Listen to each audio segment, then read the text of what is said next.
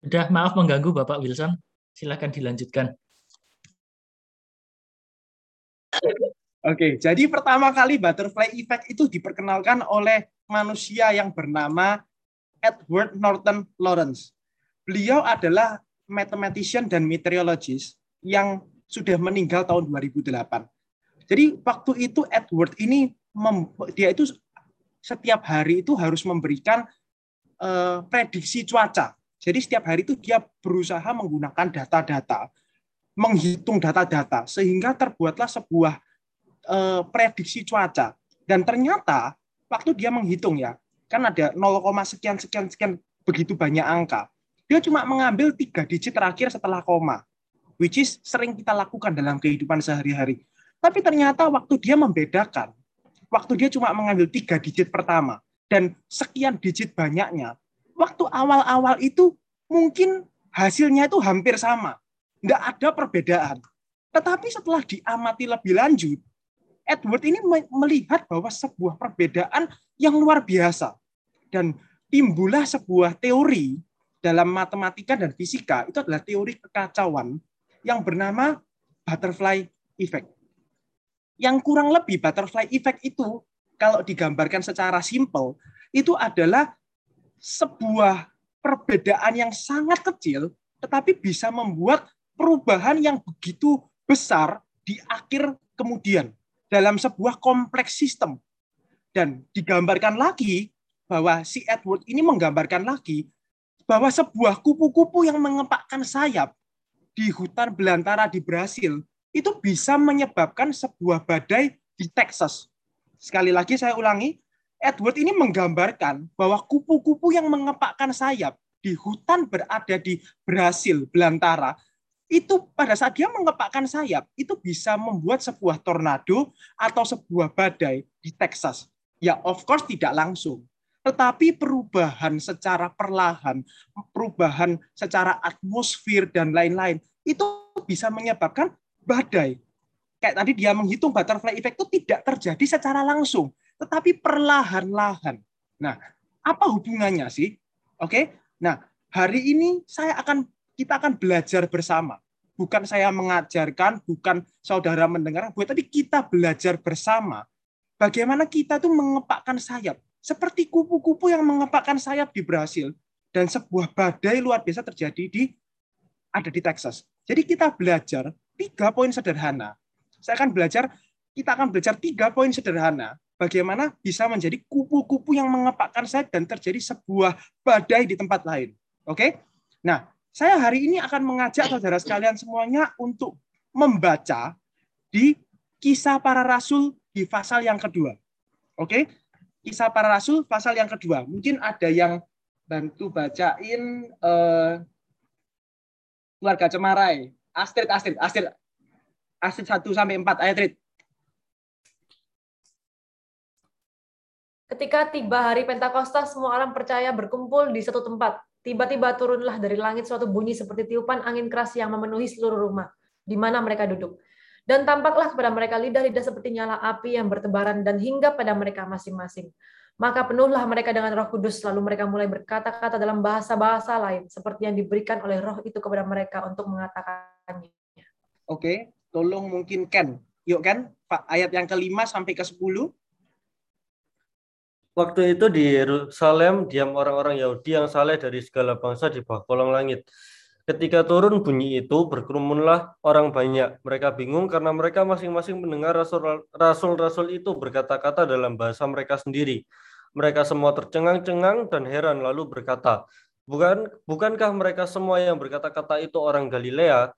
Bagaimana mungkin kita masing-masing mendengar mereka berkata-kata dalam bahasa kita sendiri, yaitu bahasa yang kita pakai di negeri asal kita?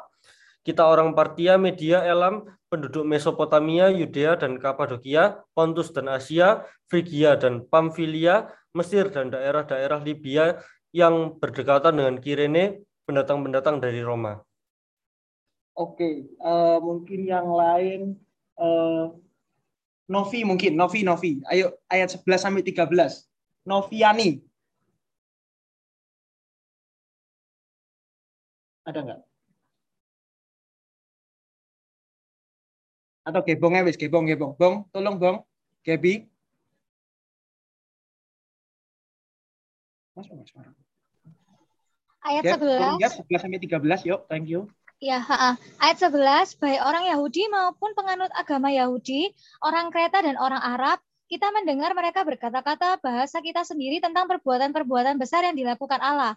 Mereka semuanya tercengang-cengang dan sangat termangu-mangu sambil berkata seorang kepada yang lain, apakah artinya ini? Tetapi orang lain menyindir, mereka sedang mabuk oleh anggur manis. Terima kasih. Amin.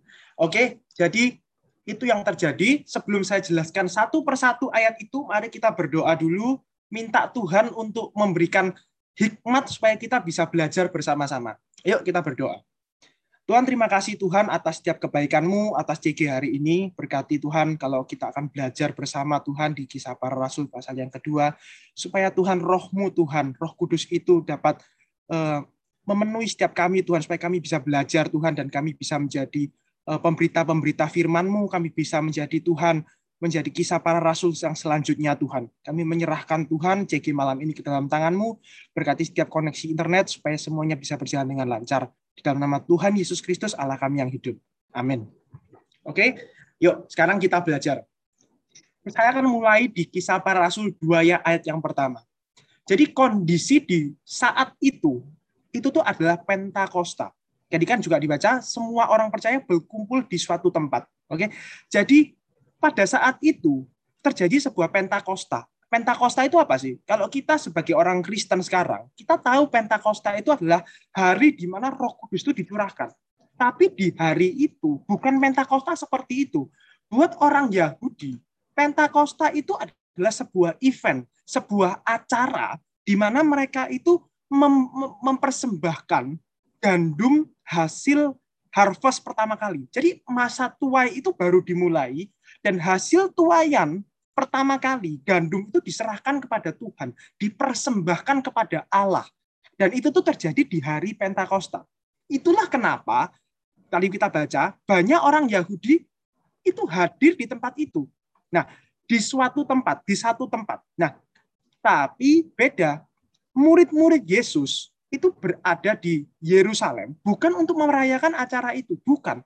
Tapi mereka berada di sana karena Yesus sebelum naik ke surga, Yesus itu mengatakan kepada mereka, jangan pergi ke mana-mana, pergilah ke Yerusalem, tunggulah ya. Yesus mengatakan tunggulah hingga janji itu digenapi. Waktu Bapak mencurahkan roh kudus ke atasmu. Jadi waktu itu murid-murid Yesus itu berada di Yerusalem untuk menunggu pencurahan roh kudus. Nah, jadi berbeda ya, event yang sama, di, uh, di saat yang sama, momen yang sama, tetapi mereka melakukan berada di Yerusalem dengan alasan yang berbeda. Murid-murid Yesus itu nggak dikasih tahu loh. Kapan roh kudus akan dicurahkan. Bisa besok, bisa besok lusa, bisa satu bulan, bahkan satu tahun. Nggak ada yang tahu. Tetapi mereka dengan taat, sekali lagi, mereka dengan taat menunggu di sana. Jadi poin pertama, bagaimana murid Yesus itu bisa bisa berada di sana. Yang pertama, poin pertama itu taat. Ya, kasih catatan di sana.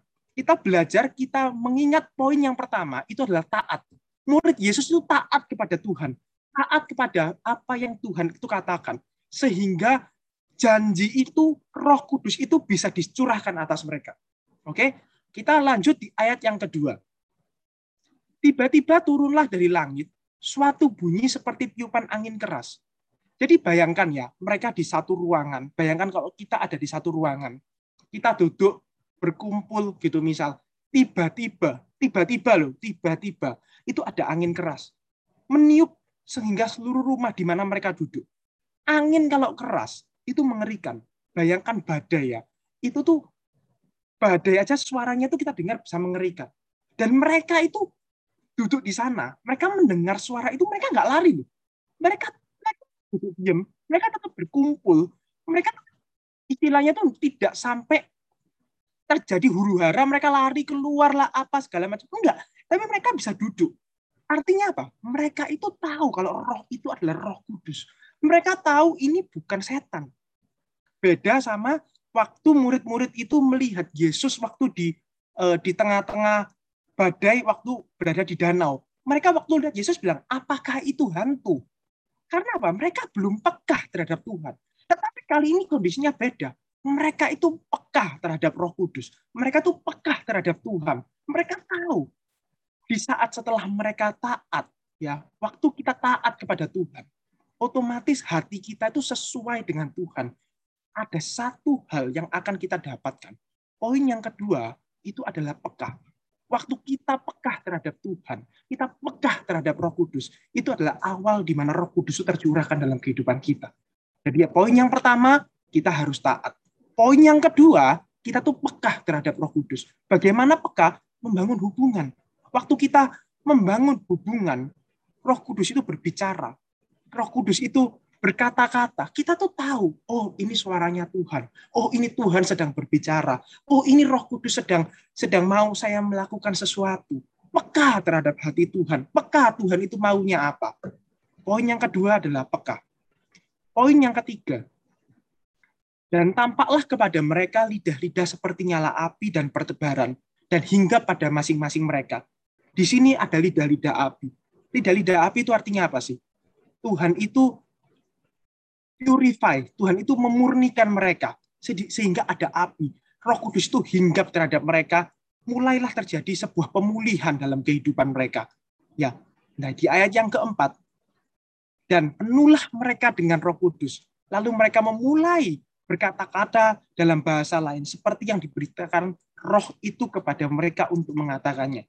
Nah, Roh Kudus itu tidak pernah merasuki, tetapi Roh Kudus itu memenuhi di dalam bahasa Inggris ya and they were all filled with the Holy Spirit and began to speak with other tongues as the Spirit gave them the utterance.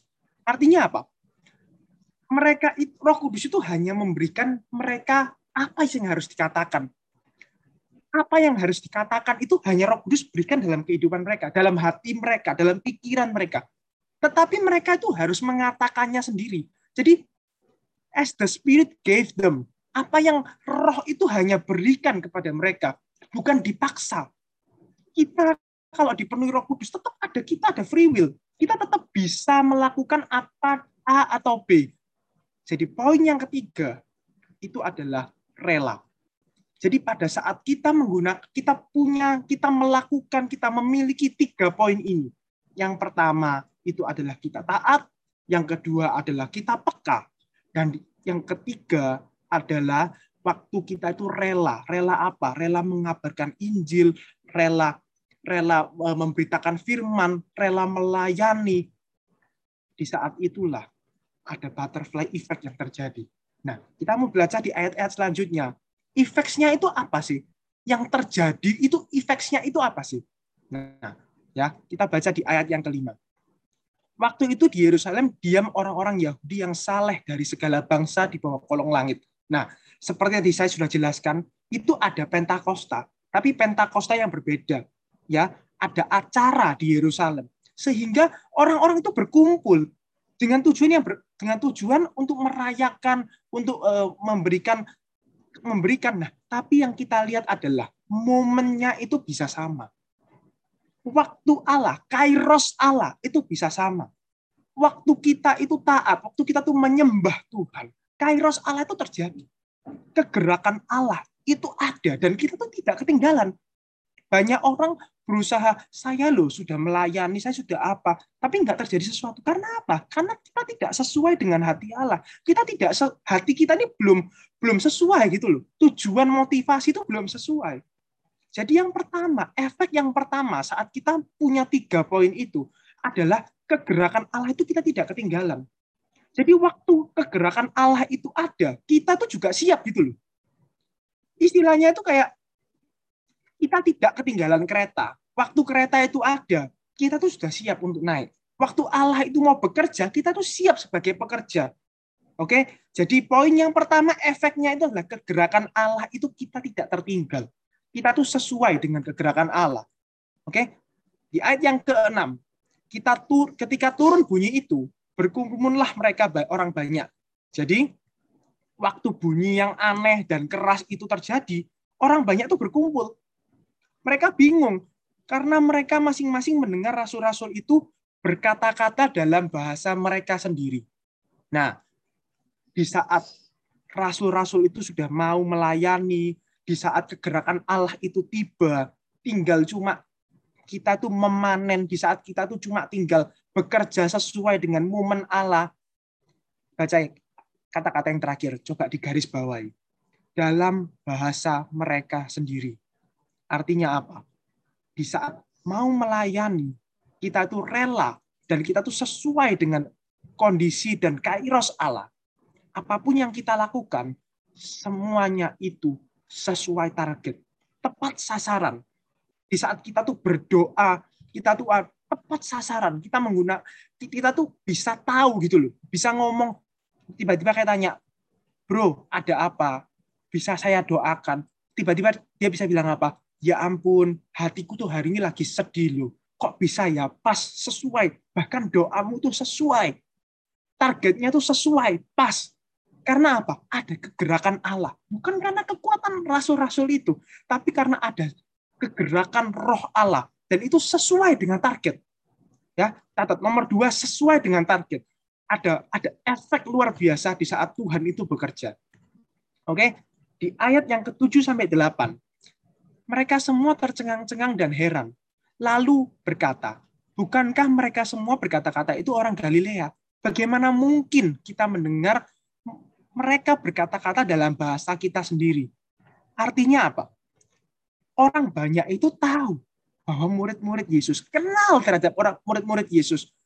Istilahnya kayak kita dalam kondisi sekarang itu, aku lo tahu dia itu dulu nakal waktu muda. Aku lo tahu tiba-tiba kok kayak gini sekarang. Dia tahu dan mereka juga tahu murid-murid Yesus itu bukan orang yang teredukasi. Mereka cuma fisherman, mereka cuma nelayan.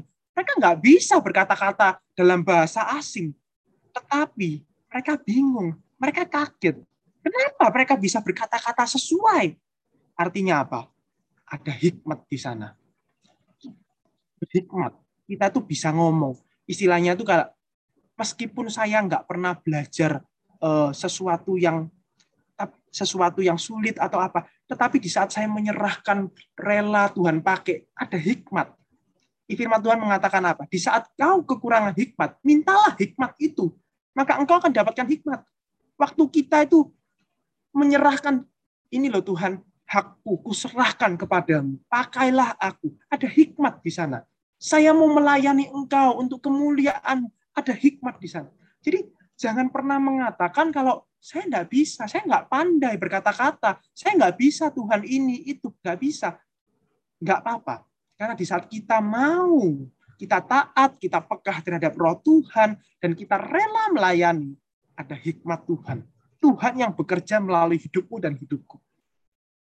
Oke, di ayat yang ke-9 sampai 10, Tuhan firman Tuhan berkata, jadi ada orang-orang, orang Parsia, orang Media, dan seterus-terusnya. Ya, ada orang Pontus, Asia, Frigia, Pamfilia, Mesir, ada orang-orang yang dari berbagai tempat dan mereka itu berbingung-bingung gitu loh. Kok bisa murid-murid ini berkata-kata bukan cuma sesuai target, tapi mereka tuh bisa bisa ngomong dengan hikmat Tuhan, dengan kalau logikanya gini ya, mereka ini banyak dari kota-kota lain-lainnya. Dan tidak semua orang itu kenal terhadap murid-murid Yesus. Tetapi kalau sampai di sini ditulis, artinya apa? Saya membayangkan orang-orang banyak yang berkerumun itu bisa semua berhenti dan memperhatikan murid-murid Yesus. Artinya apa? Ada pengaruh di sana. Murid-murid Yesus itu berpengaruh, membuat sebuah impact. Ya, jadi murid-murid Yesus itu pada saat mereka berkata-kata itu ada influence, ada hikmat dari surga jadi berpengaruh. Jadi kita tuh di saat kita memberikan hati kita untuk Tuhan, hidup kita untuk Tuhan, kita bisa berpengaruh untuk banyak orang.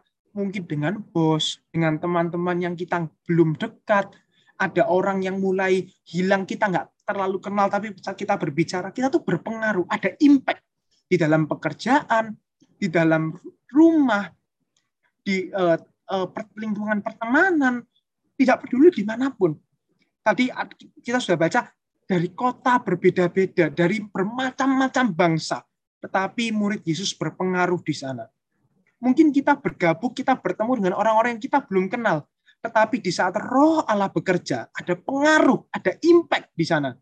Di saat kita berkata-kata, banyak orang diubahkan. Waktu kita berkata-kata, ada penuaian terjadi. Waktu kita berkata-kata, ada ada banyak orang diubahkan, hidupnya diselamatkan kembali kepada Tuhan. Oke, jadi catat nomor empat itu adalah berpengaruh. Oke, ayat yang ke-11. Nah, hebatnya di sini. Baik orang Yahudi maupun penganut agama Yahudi. Jadi bukan cuma orang Yahudi ya, tapi ada orang-orang yang dihormati, penganut agama di sana. Orang Kreta, orang Arab, mendengar mereka berkata-kata dalam bahasa kita sendiri tentang perbuatan-perbuatan besar yang dilakukan Allah. Murid Yesus dengan begitu hebatnya kondisi waktu itu, mereka bisa berkata-kata bahasa yang mereka belum pernah ajari yang membuat mereka terheran-heran orang ter tapi apa yang dikatakan mereka? Perbuatan besar yang dilakukan Allah. Berapa banyak dari kita di saat mulai diangkat oleh Tuhan, di saat pelayananmu dan pelayananku mulai memberkati banyak orang, di saat kita mulai di atas panggung, di saat kita mulai eh, di saat kita mendoakan orang-orang itu bisa sembuh. Berapa dari kita yang kita katakan itu bukan lagi kebesaran Allah. Bukan lagi perbuatan-perbuatan besar yang dilakukan Allah, tetapi apa hanya apa yang kita ingin katakan, apa yang kita pikirkan, berapa banyak. Tetapi murid-murid Yesus di tengah-tengah kehebatan itu, yang dikatakan itu adalah perbuatan-perbuatan besar yang dilakukan Allah. Artinya apa? Ada kerendahan hati di sana. Hatinya itu sudah bukan tentang aku, bukan lagi, tetapi it's all about God. It's about what He has done semua tentang Tuhan, semua apa yang Tuhan sudah lakukan, kebesaran Tuhan. Setiap membuka mulut itu kebesaran Tuhan, apa yang Tuhan lakukan. Jadi poin nomor lima, efeknya itu adalah kita punya hati itu rendah. Mari setiap kita cek dalam hati kita. Apakah hati kita ini sudah rendah hati di hadapan Tuhan? Apakah pelayananku ini untuk kebesaran hatiku, kebesaran aku, atau adalah mengatakan kebesaran-kebesaran Tuhan. Oke, mari kita setelah ini kita cek, kita tanya kepada Tuhan untuk menyelidiki isi hati kita.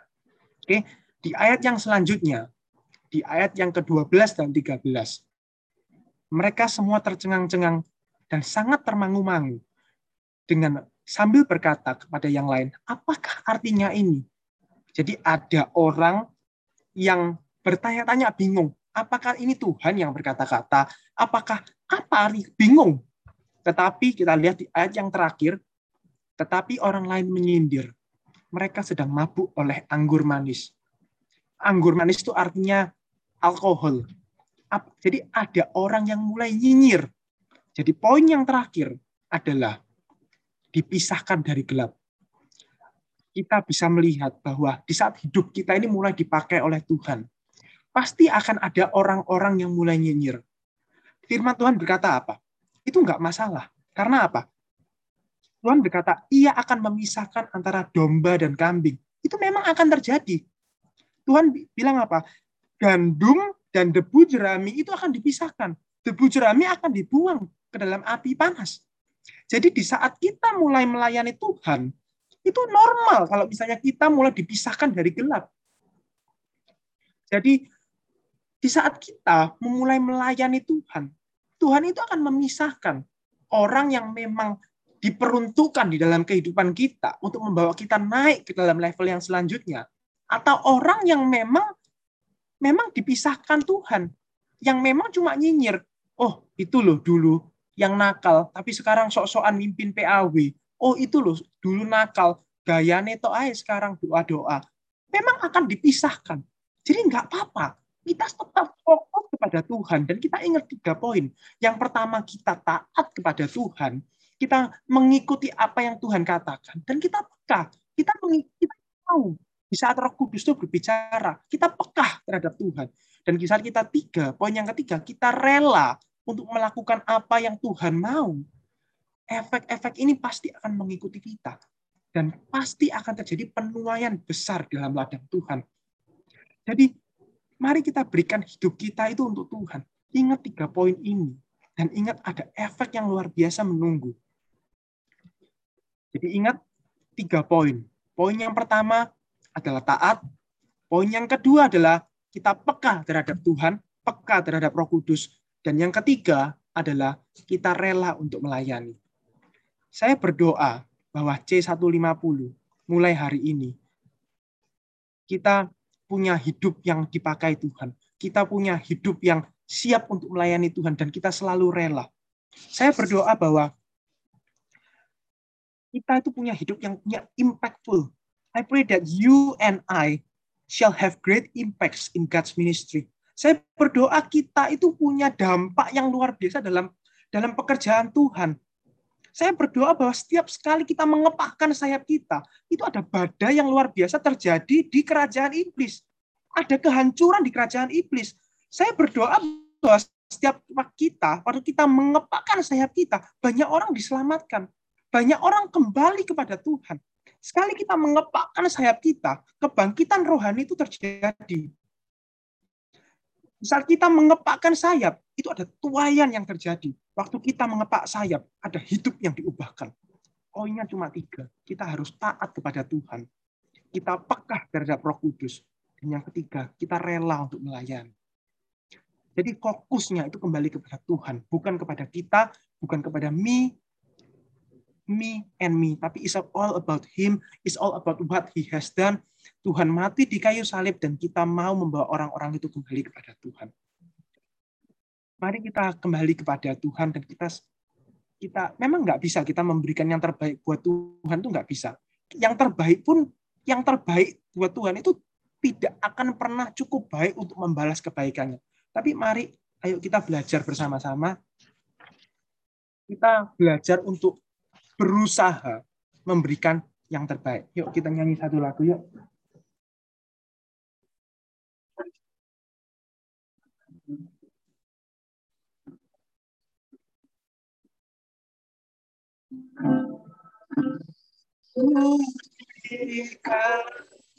Semua yang berharga, semua yang mulia, semua yang terbaik dari hidupku.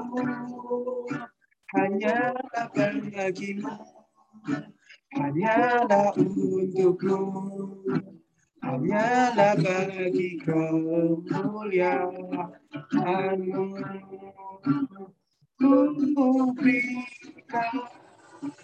Semua yang berharga semua yang mulia semua yang terbaik dari hidupku. Hanyalah bagimu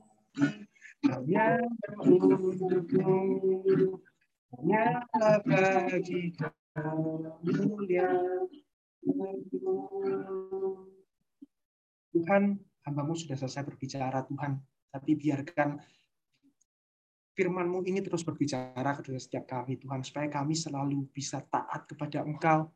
Kami punya hati yang pekah terhadap roh kudus, dan kami punya hati yang rela untuk selalu melayani Engkau, sehingga Tuhan pekerjaanmu yang luar biasa itu dapat kami selesaikan di muka bumi ini.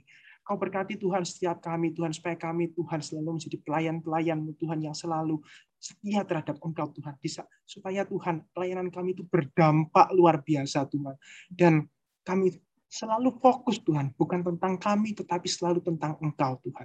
Di dalam nama Tuhan Yesus, kami berdoa, Tuhan, untuk pelayanan COVID Tuhan tanggal tanggal 17 Tuhan supaya Tuhan banyak Tuhan Eh, jiwa-jiwa Tuhan dituai Tuhan. Banyak Tuhan orang-orang yang diselamatkan Tuhan. Banyak yang kembali kepada jalanmu Tuhan. Kami berdoa Tuhan supaya melalui pelayanan di gereja kami Tuhan. Kami bisa menjadi dampak bagi orang lain Tuhan. Dan kami berdoa Tuhan supaya C150 Tuhan tidak tertinggal Tuhan kegerakanmu Tuhan. Supaya kami Tuhan bisa selalu sesuai dengan kairos Tuhan. Kairos Allah Tuhan. Waktu Allah itu kami bisa selalu siap. Di saat tuayan itu ada Tuhan. Kami pekerja-pekerjamu Tuhan siap untuk menuai. Di dalam nama Tuhan Yesus kami sudah berdoa dan mengucap syukur. Semua yang percaya katakan amin. Good, thank you. Amin. Terima kasih Wilson. Wah, luar biasa sekali. Jadi tadi kalau kita ikut Tuhan itu semakin lama kita harus semakin didewasakan gitu ya. Jadi hari ini belajar bahwa bukan cuma tentang kita kita kita, tetapi tentang Tuhan tentang Tuhan tentang Tuhan. Jadi kita harus realize oh ya hidup itu bukan aku, tetapi Kristus yang hidup di dalamku gitu ya. Ada waktunya kita berbicara tentang berkat, ada waktunya kita berbicara tentang pertobatan, tapi hari ini kita mau punya hati yang melayani gitu. Seperti itu pelayanan dimulai dari hati. Yuk kita masuk ke breakout dulu. Silakan nanti perkenalan, ngobrol-ngobrol, juga sharing-sharing. Kalau ada pertanyaan boleh tanya sama ketua ketua breakoutnya atau sponsornya. Jangan sungkan ya tanya-tanya. Lalu kita balik lagi ke sini, kita dengarkan nanti sharing dari coach. Oke okay, guys. Wilson ada ini nggak nitip pertanyaan? Wilson ada nitip pertanyaan nggak? Kalau tidak ada buat sendiri-sendiri nanti ya. Uh, ada sih. Jadi pertanyaannya Apa? adalah apakah menurutmu melayani Tuhan itu adalah keharusan? Harus ya. Oke, oke. konteksnya harus. Nanti silakan dibahas. Harus atau enggak? Oke. Silakan dibahas. Oke. Nah, seru ini ya. Oke, semua waktunya cuma 25 menit. Oke, oke. Kurang nggak? Kurang nggak nih 25 menit nih? Cukup lah ya. Cukup lah. Oke. See you guys, see you guys.